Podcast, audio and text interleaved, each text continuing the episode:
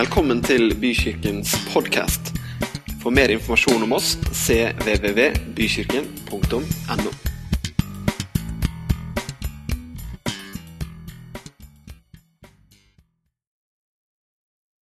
iblant oss, Herre. Takk for at hos deg så er det grunnleggende bare nåde å få. Takk, Herre, at du ga avkall på ditt eget. Takk for at du døde, ga fra deg alt det flotte du var i, alt det fullkomne du var i, for at vi skulle få nåde, at vi skulle få liv og kraft, Herre. Og jeg takker deg, Jesus, for det er kraften i din oppstandelse. Det er at du ga oss nåde. Til alle mennesker og mer enn nok, Herre. Og jeg takker deg for at du er her denne formiddagen med den kraften, med den nådekraften, Herre. Og vi ber om at vi får kjenne på den og høre noen ord fra deg, Herre, til hjertene våre. I Jesu navn. Amen. Tusen takk til dere.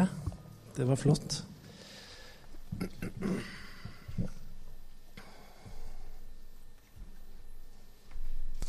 Før jeg skal begynne å gi dette budskapet om guddommelig bagasje, som jeg skal snakke om i dag, så har jeg lyst til å Holdt jeg på å si utbringe en skål? Det var ikke det jeg skulle si. Jeg skulle utbringe en takk. Eh, fordi at forrige helg, da var eh, mange av oss på eh, Bolærne, på Camp Bykirken. Og det var utrolig fint. Det var virkelig fint. Eh, og så var det sånn at eh, egentlig i hvert fall fikk ikke jeg det med meg. Så var det sånn at de som hadde jobba og stått på for at det her skulle bli noen ting, bl.a. lederteamet, og andre har lagt ned en stor jobb for at vi kunne bare starte poengeren og kjøre ut og legge til brygga og så ha en flott helg.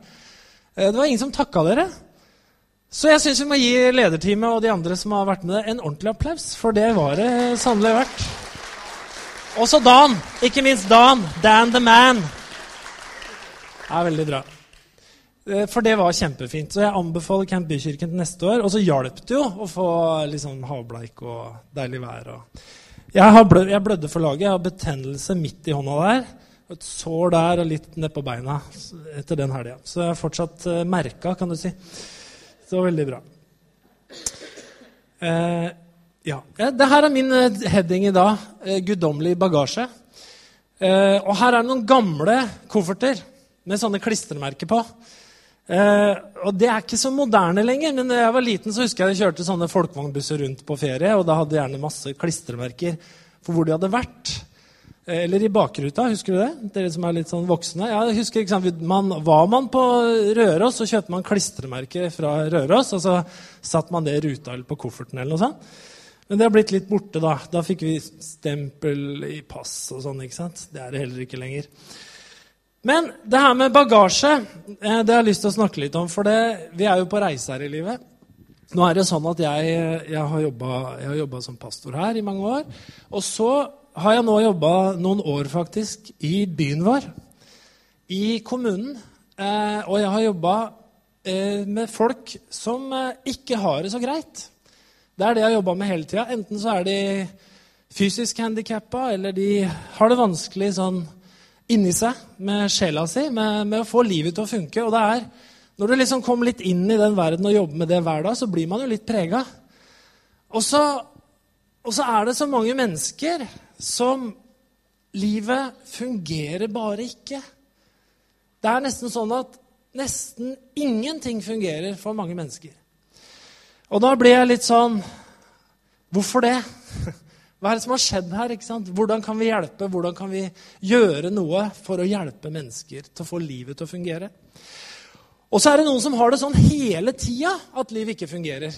Og de får hjelp. Vi er heldige i Norge som, som har ressurser til å hjelpe mange. Og noen har det sånn hele tida. Men så er det også sånn at vi andre vi har det jo også sånn i perioder hvor livet ikke fungerer. For det, det, går ikke bra. Vi har det ikke bra inni sjela vår. Ting går litt på tverke rundt oss.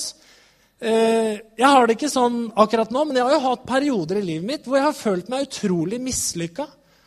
Og det er jeg helt sikker på at uansett hvor fint du sitter i det, så har du hatt perioder i livet hvor du kjenner deg, hvor du har kjent deg mislykka. At det jeg tar i, det jeg rører, det jeg er oppi, de beslutningene jeg tar, det har gått gærent. Nå er det ingenting som går bra, liksom.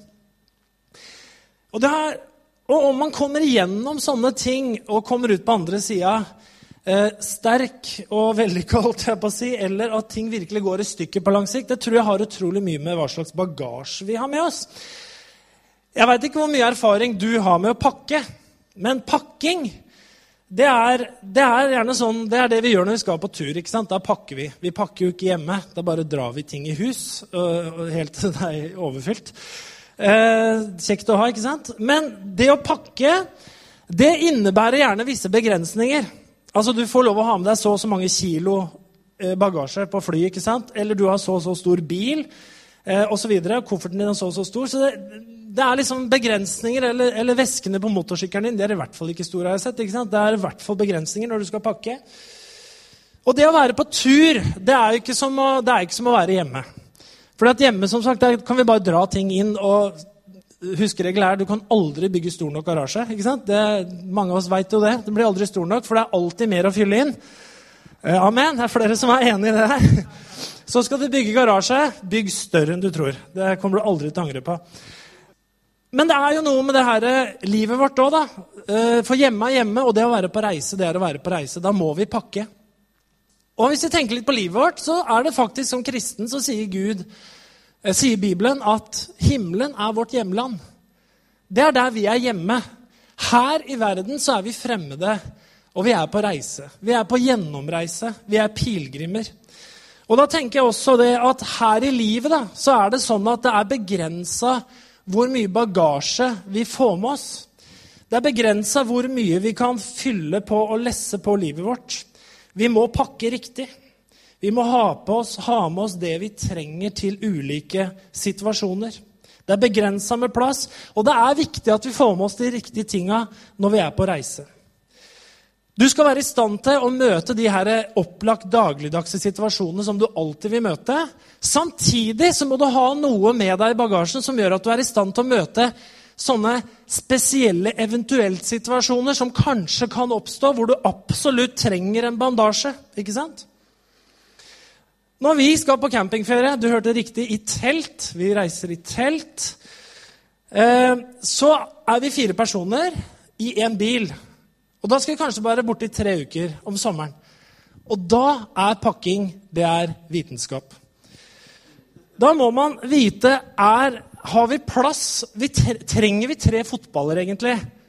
Da mener jeg nei, det holder med én. ikke sant? Ja, men pappa den, ikke sant? Nei, det holder med én fotball.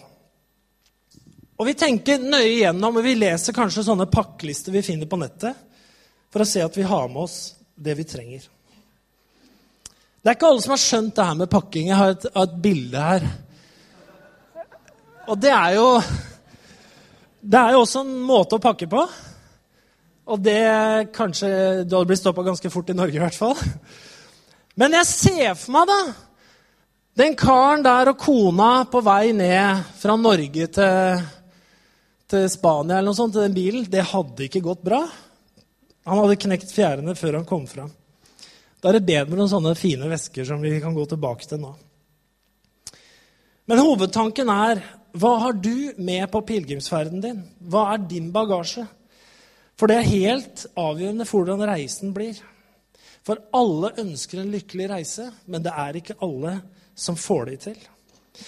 Jeg skal ta utgangspunkt i dag i en, en bibelsk skikkelse som fikk med seg nok guddommelig bagasje til å takle både medgang og motgang. For det krever like mye å takle medgang som å takle motgang. En person som opplevde å være på de beste stedene du kunne være, og en person som opplevde å være på en av de verste stedene du kunne være. Og Bibelen snakker om en mann som heter Josef, og som mange av dere kjenner historien om. Bibelen er i grunn full av historier om mennesker som hadde det helt fantastisk og fikk det helt forferdelig, og så fikk de det helt fantastisk igjen. Moses for eksempel, hadde det helt fantastisk, fikk det helt forferdelig, fikk det kjempebra igjen. Jobb hadde det helt fantastisk, fikk det helt forferdelig, fikk det kjempebra igjen. Peter hadde det helt fantastisk, fikk det kjempedårlig, fikk det kjempebra igjen. Josef han er også en sånn. Og det er kanskje veldig bra at det fins mange sånne historier, for sånn kan livet faktisk være. noen ganger. Jeg skal ta noen korte trekk om Josef uten å lese gjennom hele historien. Josef, når, han, han yngst, når vi hopper inn i historien om Josef, i hvert fall, så er han yngstemann, yngste sønn til Rakel og Jakob. Jakob, altså patriarken. Han var en av mange søsken. Han hadde mange brødre. Eh, Josef han ble, fra han var liten av, så ble han favorisert av sin far. Faren til Josef det står at Jakob var ekstra glad i Josef. Han elska Josef mer enn de andre. Det står ikke at han ikke elska de andre, men han elska Josef mer enn de andre, for han var liksom hans alderdomssønn. Så han, han fikk høre virkelig at 'jeg elsker deg'. Og han svarte sikkert ikke 'jeg elsker mamma'. Men han, sannsynligvis så var det her noe han tok skikkelig til seg. Eh, så han, han, fikk nok en veldig god sånn selvfølelse og en veldig god selvtillit. Det står også at faren kjøpte ekstra fine klær til ham. Altså han, eh, han, var stilig. Han eh, fikk ikke det billigste, liksom. Det var eh, ordentlig skreddertøy. Og som ung så var Josef han var, han var veldig frimodig. Han var kanskje så frimodig at det kan være på grensen til frekk. Men det er ikke sikkert, og det virker ikke som han mente noe vondt med det. Men han var veldig frimodig på egne vegne. Noe som gjorde at han blei mislikt og til slutt hata av brødrene sine. Det resulterte i at brødrene solgte Josef som slave til noen handelsmenn for å bli kvitt den. Og disse handelsmennene de solgte Josef videre til en som var hoffmann hos farao i Egypt, som het Potifar. Og så var det sånn at han eh, får veldig stor tillit hos Potifar. Han lever på en måte, han er på en måte som er utrolig bra. Han tjener folk, han gjør en skikkelig bra jobb. Så etter hvert så styrer Josef Potifars hus, hele huset hans faktisk, og har kjempetillit. Kona til Potifar, som sikkert ikke var ei dame som brukte mest tid på å jobbe ut på jordet, men mer tid i sminkesalongen og, og, og i, i, urtebadet, hun la sin elsk på den unge mannen og ville veldig gjerne ha han til sengs. Og frista han kraftig, så kraftig at han måtte løpe ut av soverommet en dag, hvor hun fikk tak i kappa hans. Og da lager hun historie om at han har prøvd seg, hvilket ikke var tilfellet. Det ender med at han blir kasta i fengsel. Men når Josef kommer i fengsel, så skjer også det her som hadde skjedd i Potifars hus, nemlig at han, han er på en måte i fengsel mot andre mennesker, som gjør at fengselsvokteren til slutt overgir ansvaret for alle fangene til Josef, som også var fange. Så Josef ender opp med å styre fengselet på en god måte. I fengselet så tyder han bl.a. drømmer, og når Farao får en drøm, eller to drømmer som var vanskelig for ham å tyde, så får de høre om det fins en fyr i fengselet som har Guds ånd i seg, som har tyda drømmer for andre. Det har stemt. Kanskje vi skal hente han? Josef ble henta til far, og han tyder drømmen om de syv gode og de syv dårlige åra. Noe som stemmer. Og han kommer ut, og det som skjer, er jo at han også farao i faraos hus oppfører seg og er på en måte som gjør at han til slutt får prokura av farao. Altså han får signetringen til farao, hvilket betyr at han kan signere offentlige dokumenter og utstede dekreter i Egypt. Han kom så høyt han kunne. Og til slutt så redder han sitt eget farshus fra hungersnød, og også brødrene som en gang hadde solgt den. Det er den korte historien om denne fantastiske mannen som heter Josef. Og hva var det med han? Som gjorde at det gikk så innmari bra. For det gjorde det jo. Det gikk jo fantastisk for Josef. Jeg skal lese noen avsnitt, for det handler om hva slags bagasje Josef fikk med seg mens han var ung. Jeg tror det er så viktig. Hva slags bagasje er det han fikk med seg som ung? I 1. Mosebok 37, vers 3-4, så er Josef ca. 17 år. Og da står det at Jakob elsket Josef mer enn alle de andre sønnene. For han hadde fått ham på sine gamle dager. Han laget en forseggjort kjortel til ham, men da brødrene så at faren elsket ham mer enn alle de andre, la de ham få hat og kunne ikke si et vennlig ord til ham. Blei han bortskjemt? Var det bra eller dårlig at han fikk denne her ekstraoppmerksomheten? Var faren urettferdig? Ja, Det kan vi diskutere, da.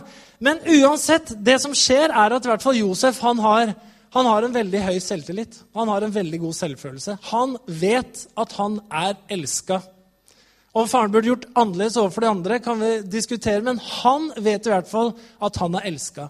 Han føler seg veldig, veldig, verdsatt. Det tror jeg satt veldig dypt inni han. Når brødrene hater han, så virker det ikke som om det hatet og at de mislikte Josef, klarte å ødelegge den selvtilliten han hadde. Det virker ikke som brødrenes hat kunne slå i hjel den kjærligheten han hadde fått fra pappaen sin. Fordi at faren var hans aller nærmeste. Og når du hører fra de aller nærmeste, de som er tettest på deg, de som er viktigst i livet ditt, at du er elska, så sitter det mye hardere enn om noen andre sier at de ikke liker deg. Og Det er derfor Gud har laga det her med familie. ikke sant? At vi er så tett på hverandre. For det her å kjenne seg elska dere, det holder ikke vet du, å høre det en gang i halvåret. Eller det holder ikke å høre det altså Du bør ikke si akkurat de orda, men å uttrykke kjærlighet, å uttrykke at noen blir satt pris på Det holder ikke å høre det hvert skuddår. Ikke sant? Elsker du meg fortsatt, Johan? ikke sant? Ja, det gjør jeg vel. Ja, du sier jo aldri. ikke sant? Den jeg fortalt før. Ja, men jeg sa det når vi gifta oss, og det har ikke forandra seg. ikke sant? Det sier ifra hvis det er noe endring. Altså, det, det, det, går liksom Vi trenger å høre det her hele tida. Vi trenger den positive oppmerksomheten. Vi trenger å høre vennlige ord. Vi trenger å bli oppmuntra. Alle trenger det. Alle trenger det. Kappes om å hedre hverandre. ikke sant? Det er noe som skal pågå hele tida. Og det her, det har skjedd i relasjonen mellom Josef og pappaen hans. Han hadde med seg bagasje. I første Mosebok 37, 5-10 så får Josef noen drømmer. Og Han kommer til brødrene sine. Selvfølgelig må han jo fortelle det til dem. Det er jo så flott. En gang hadde Josef en drøm. Han fortalte den til brødrene sine. Da hatet de ham enda mer. Han sa til dem, 'Hør hva jeg har drømt.' Se, vi, altså vi, brødrene, vi var ute på åkeren og bandt kornbånd. Kornbåndet mitt reiste seg og eh, blant de andre og ble stående, mens kornbåndet deres samlet seg omkring mitt og bøyde seg for det.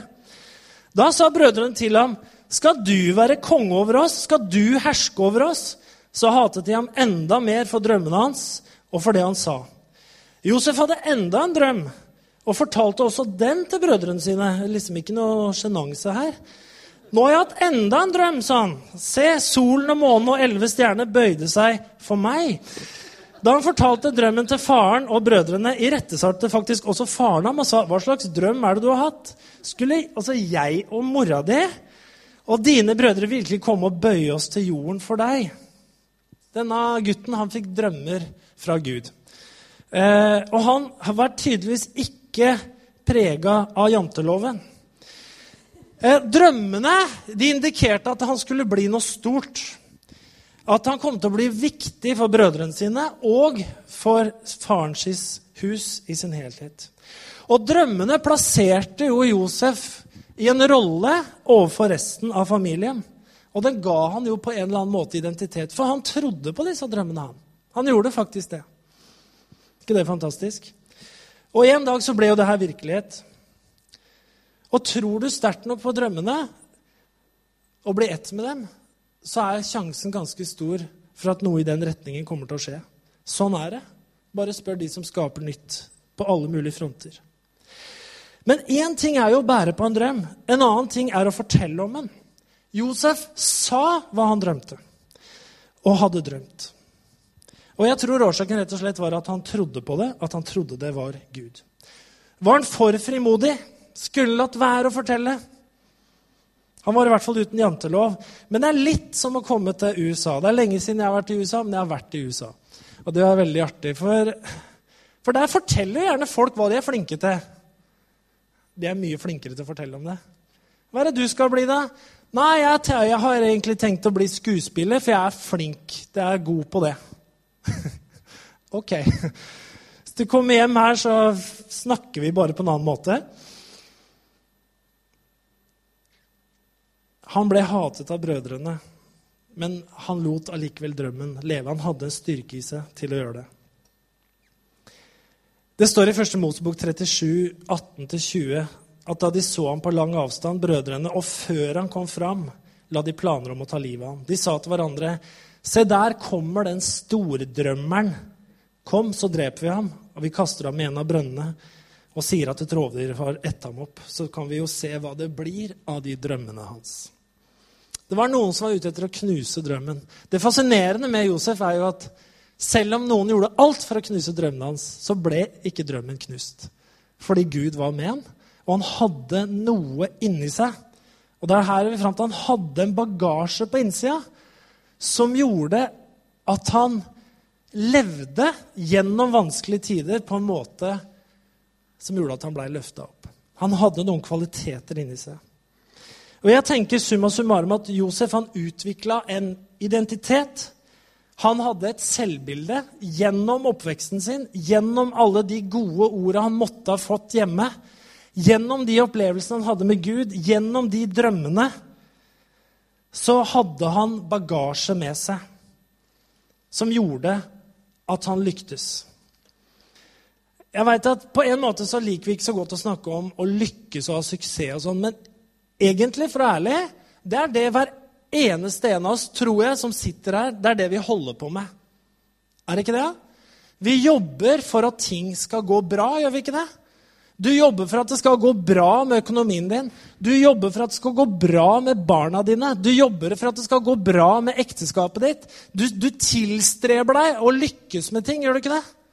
Vi gjør jo det. ikke sant? Vi ønsker jo det. Og så kommer Josef til Potifar. Og der står det Jeg skal ikke lese hele det, det er jo kjempelangt. Men Potifar, egypter, hoffmann hos farao, sjef for livvakten, kjøpte eh, Josef av disse eh, handelsmennene, ismaelittene. Og han er jo helt nederst. Altså, han er jo helt nederst. Når det blir kjøpt, så er det som å bli kjøpt som slave. ikke sant? Han blir solgt videre for penger. Altså, Du kommer ikke noe lavere ned på verdighetsstigen enn å bli solgt for penger. Mye skal dere ha, liksom. Jeg kjøper den. Da er du slave, ikke sant? Og der kommer Potifar inn i det huset, og da står det noe fantastisk. Herren var med Josef og lot ham lyktes, og han ble boende i huset til sin egyptiske herre. Herren så, altså Potifar så at Herren var med ham og lot ham lykkes i alt han gjorde, og han vant velvilje. Og han ble ikke hans slave lenger, han ble hans tjener, og Potifar satte ham til å styre huset og ta hånd om alt han eide.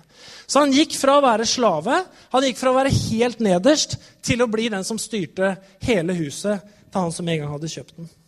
Fordi Herren var med han. Og det skal jeg snakke litt om etterpå. Men så kommer denne situasjonen med kona til Potifar, og han havner i fengsel. Og I kapittel 39, i vers 20-23, så står det at Potifar tok Josef, satt ham i fengsel der kongens fanger satt lenket. Og det var ikke Bastøy, altså. Det var et sånt ordentlig fengsel. De satt lenka, ikke sant? Det her var et uh, vanskelig sted å komme til. Igjen så er han revet ned. Alt det han har bygd opp, den posisjonen han har fått, det er, det er fullstendig lagt i grus. Potifar har knust den, kasta han i fengsel. Han er ferdig, han er helt nederst.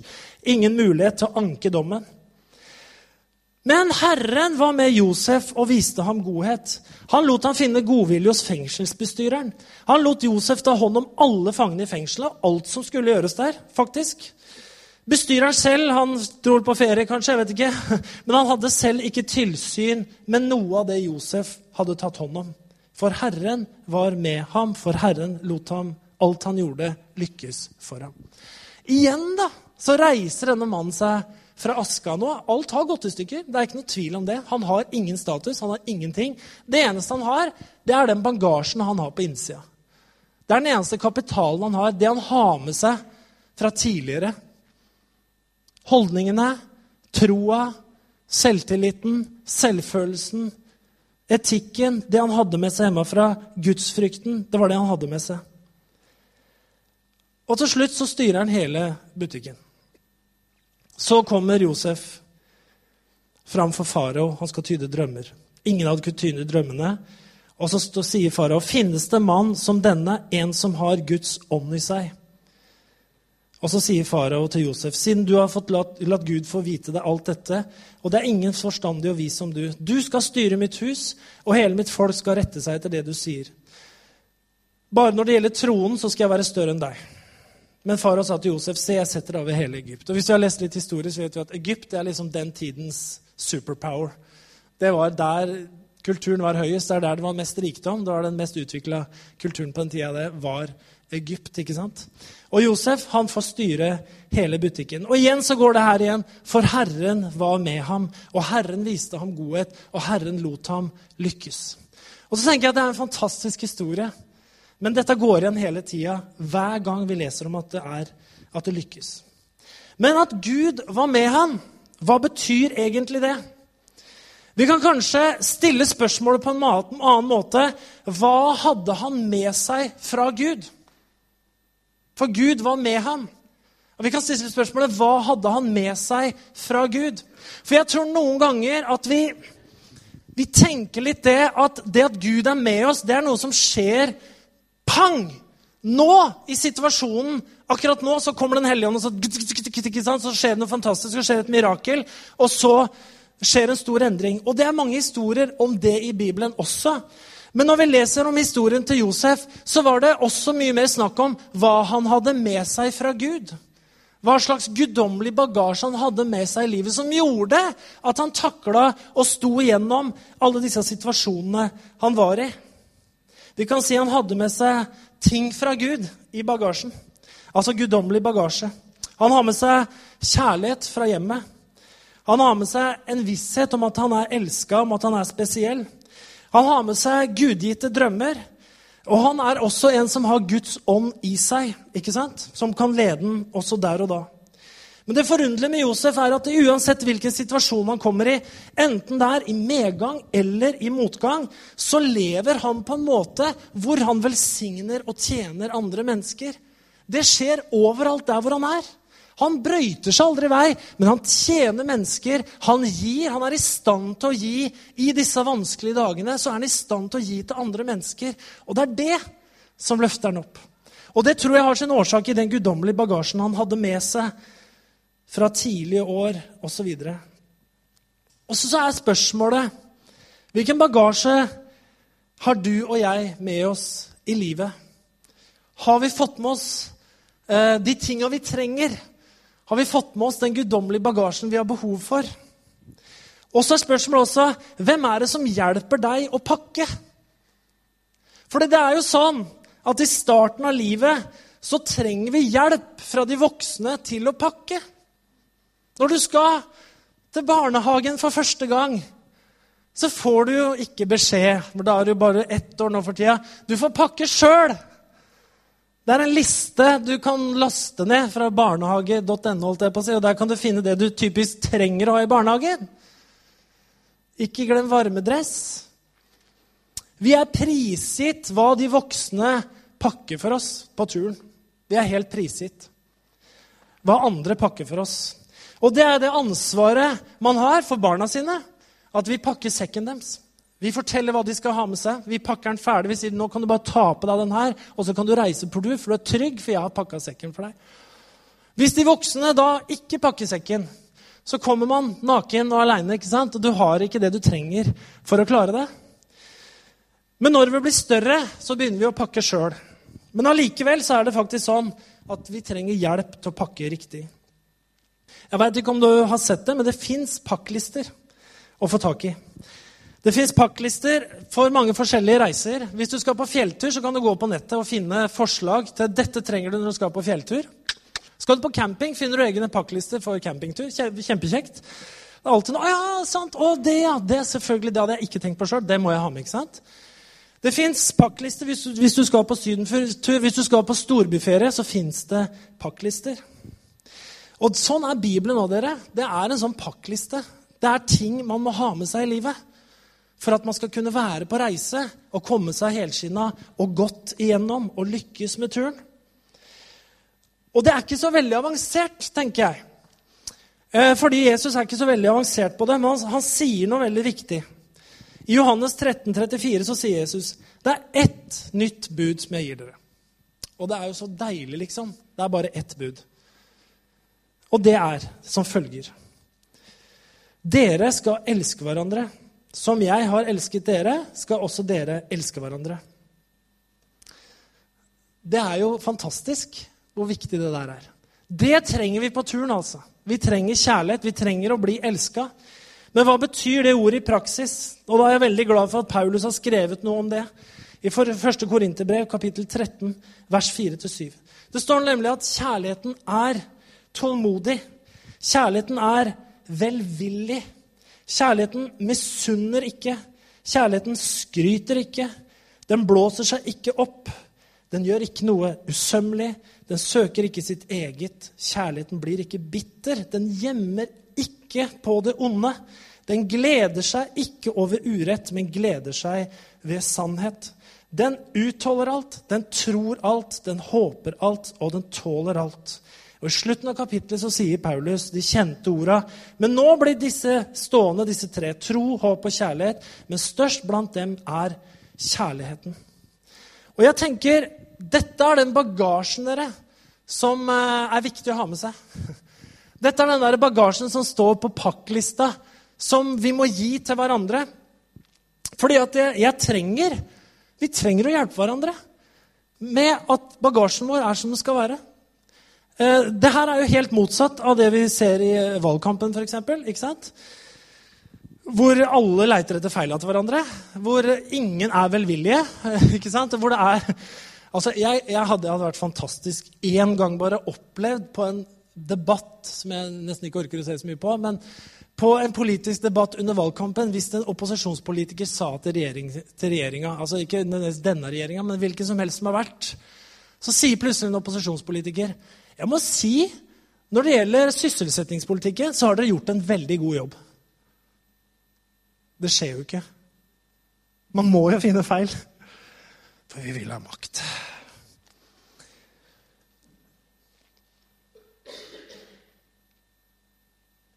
Vi trenger å snakke sånn til ungene våre, og vi trenger å snakke sånn til hverandre. Bagasje kan jo byttes ut. Men det er ofte en ganske hard jobb, for vi er blitt veldig vant til den bagasjen vi har. Vi har blitt vant til å bruke og vi kanskje har, vi overlever, og det går greit. Men noen ganger så må vi bytte ut garasjen, garasjen holdt jeg på å si. Det også. Bagasjen. Jeg har jobba i byen her noen år, som sagt. Har vært mange forskjellige steder. Og har møtt veldig mange mennesker som har det vanskelig. Og da er det sånn at noen mennesker, når du sier vet at du er verdifull, så sier de nei. Jeg betyr ingenting. Jeg er ikke verdt en dritt. Livet mitt er ingenting verdt. Jeg, det er ikke noe vits å leve. Jeg har lyst til å, har lyst til å ta livet mitt. Ikke sant? Eller du har en framtid. Du har mye bra. Det er verdt å satse på å leve. Nei. Fins ikke noe framtid for sånne som meg. Fins ingenting. Fins ikke en dritt for meg foran. Ingenting. Ikke sant? Det er ganske mange mennesker som Det er det de sier. Hvis du forteller dem at det er noe godt, at noen er glad i dem, så er det så veldig vanskelig å ta imot. Hvilken sjanse har et barn hvis ingen sender med dem guddommelig bagasje? Sjansen til å lykkes er mye mindre. De trenger tålmodighet. Det er litt sånn barneoppdragelse her. De trenger at vi er velvillige, ikke sant? De trenger at vi ikke misunner. Det gjør vi kanskje ikke så mye med barn. At vi ikke skryter, at vi ikke blåser seg opp, at vi ikke gjør noe usømmelig, at vi ikke søker vårt eget. Og vet du, Det her trenger vi hele tida overfor hverandre også. Gud er med meg. Gud er med deg. Eller snudd på hodet hva har du med deg fra Gud? Hva har du med deg fra Gud? Det her, vet du Kanskje du må repakke litt. Selv om det er en hard jobb, så er spørsmålet hva har du med deg fra Gud på reisen? For da er Gud med deg. Du har med de tinga som er fra ham. Jeg har pakka om. Alle må pakke om. Jeg trodde jeg hadde den perfekte feriepakkinga for et par år siden. Men så har jeg innsett at det er forbedringspotensial. Så jeg har en kompis som dere kjenner, som var her og talte for et par-tre uker siden, som heter Stig. Han er veldig på pakking og veldig på campingutstyr. Så veldig ofte når jeg er sammen med han og vi snakker om, vi snakker om camping Det er en greie vi har kommet inn i, å snakke om camping. Så det er nesten alltid han sier ja, men Magnar, du vet at nå går det an å få tak i du vet, de nye liggeunderlagene. De er jo supersmå. vet du. Da får du mye bedre plass. Og da får du plass til andre ting òg. Å ja! Sier du det? Så han tipser meg masse om sånt. da. Så da pakker vi, pakker vi om litt, da, så det blir enda bedre neste gang. Men det koster så lite å, å gjøre de tingene her som, som, Jesus snakker om, å elske hverandre. Katrine og jeg satt og snakka om det her om dagen. Vi kommer borti mange situasjoner i livet. ikke sant? Uh, noe er bra, og noen situasjoner er dårlige. ikke sant? Noen ganger så gjør folk feil, og det, det blir gærent. Og, og, så, og, så, begynner vi å prate. ikke sant? Og så snakka vi litt om tenk, tenk hvor billig det er. Tenk hvor lite det koster å snakke godt om folk, egentlig. Det koster jo ingenting. Det er jo helt fullstendig gratis. Istedenfor å henge seg på og snakke negativt om noe eller noen, ikke sant? Så kan, man, så kan man si noe positivt om folk, være velvillig, ikke gjemme på det onde. Snakke godt om, ikke sant? Det kan du gjøre overfor barna dine. Du bør ikke gjemme på det onde. Du bør ikke dra fram ting. Med kollegaer, hvor vi er i kirken, hvor som helst. Folk gjør feil. Folk er ikke perfekte. ikke sant? Hvor billig er det ikke å snakke godt om noen? da? Det koster jo ingenting. Det er helt gratis! Og det skaper så mye bra å snakke godt om hverandre og snakke godt til hverandre. Og så må vi sørge for at ånden for oss, i oss har rom. Jeg har lyst til å gjøre et lite eksperiment. Går det an å sette, Hvis dere gjør klart litt musikk, hadde det gått an? En fin sånn musikk som kunne gått litt? Rann. Nå har du ca. ett minutt på deg til å gjøre det. Eh, så tenkte jeg at vi kunne gjort en liten sak. Først skal jeg si at Josef han hadde den bagasjen her med seg. Som gjorde at de situasjonene som kunne blitt livsødeleggende, det, det gikk bra. Og han velsigna sine omgivelser. Jeg tenkte, Når vi setter på musikken nå, så tenkte jeg vi skulle reise oss. Eh, det er ikke farlig, det som skjer nå. Det er helt frivillig også. Og så, ja, da kan vi reise oss. Og så tenkte jeg det at eh, hvis du kikker deg Hvis du bare kikker deg litt rundt, så ser du noen kjente ansikter. Noen du kjenner mye eller lite, eller kanskje noen du ikke kjenner i det hele tatt. Hvis du kikker litt rundt deg, så kanskje du ser én som du tenker Han eller henne har noe jeg har lyst til, som jeg syns er bra. Som jeg har lyst til å takke for. Eh, du kan få noen sekunder til på å kikke deg litt rundt. Kanskje du har øynene i nakken. Det er kjempefint hvis du har det. Men ellers så titt deg litt rundt. Og ingen må gjøre det her. Men hvis du ser noen, eller tenker på noen som du ser nå, som har noe du har lyst til å si takk for, eller rose, eller skryte av kan vi lage en liten sånn bevegelse akkurat nå, hvor du går bort til den personen, og så sier du det du tenker på. En liten oppmuntring. Vi kan bruke bitte litt tid på det. Det er ikke farlig, det her. Og blir du stående, så blir du stående. Det er helt fint.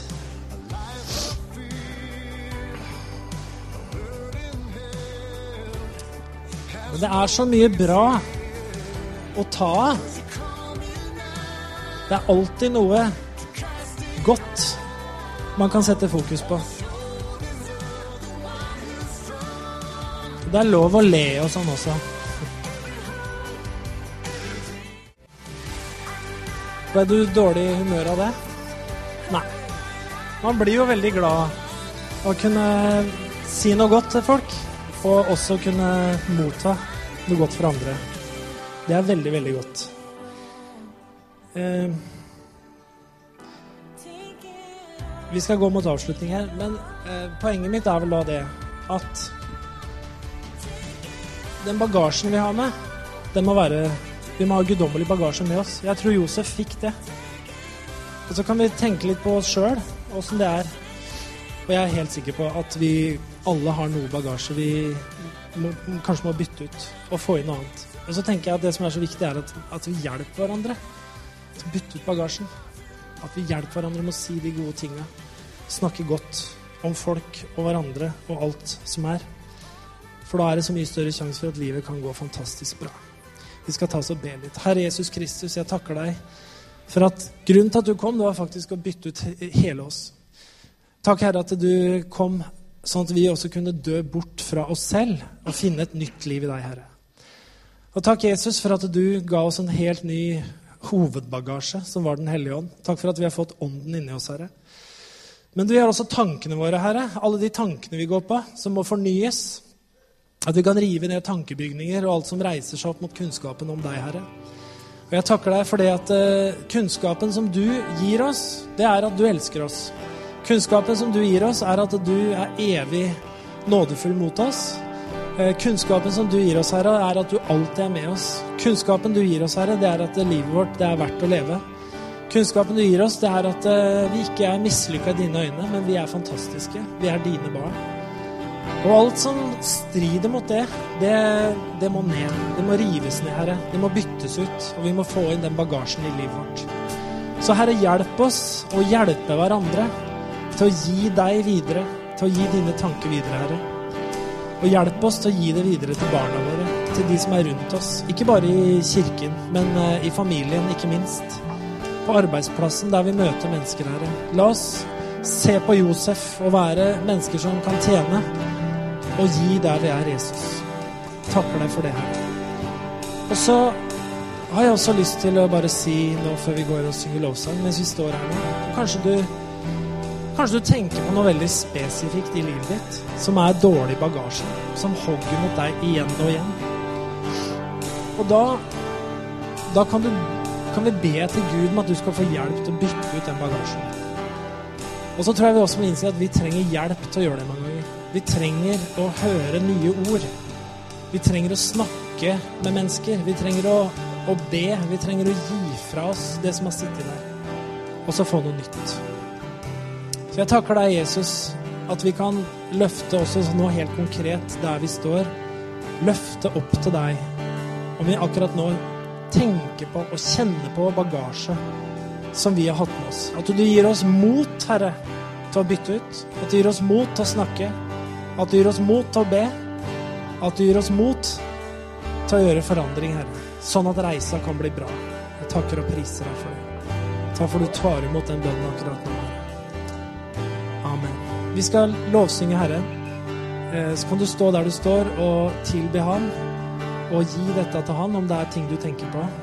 Men så kan du også tenke på at du er en sånn som gir andre mennesker guddommelig bagasje i din hverdag når du går ut. At vi er flinke til det. Det er det Gud ønsker. I Jesu navn. Amen. Da synger vi.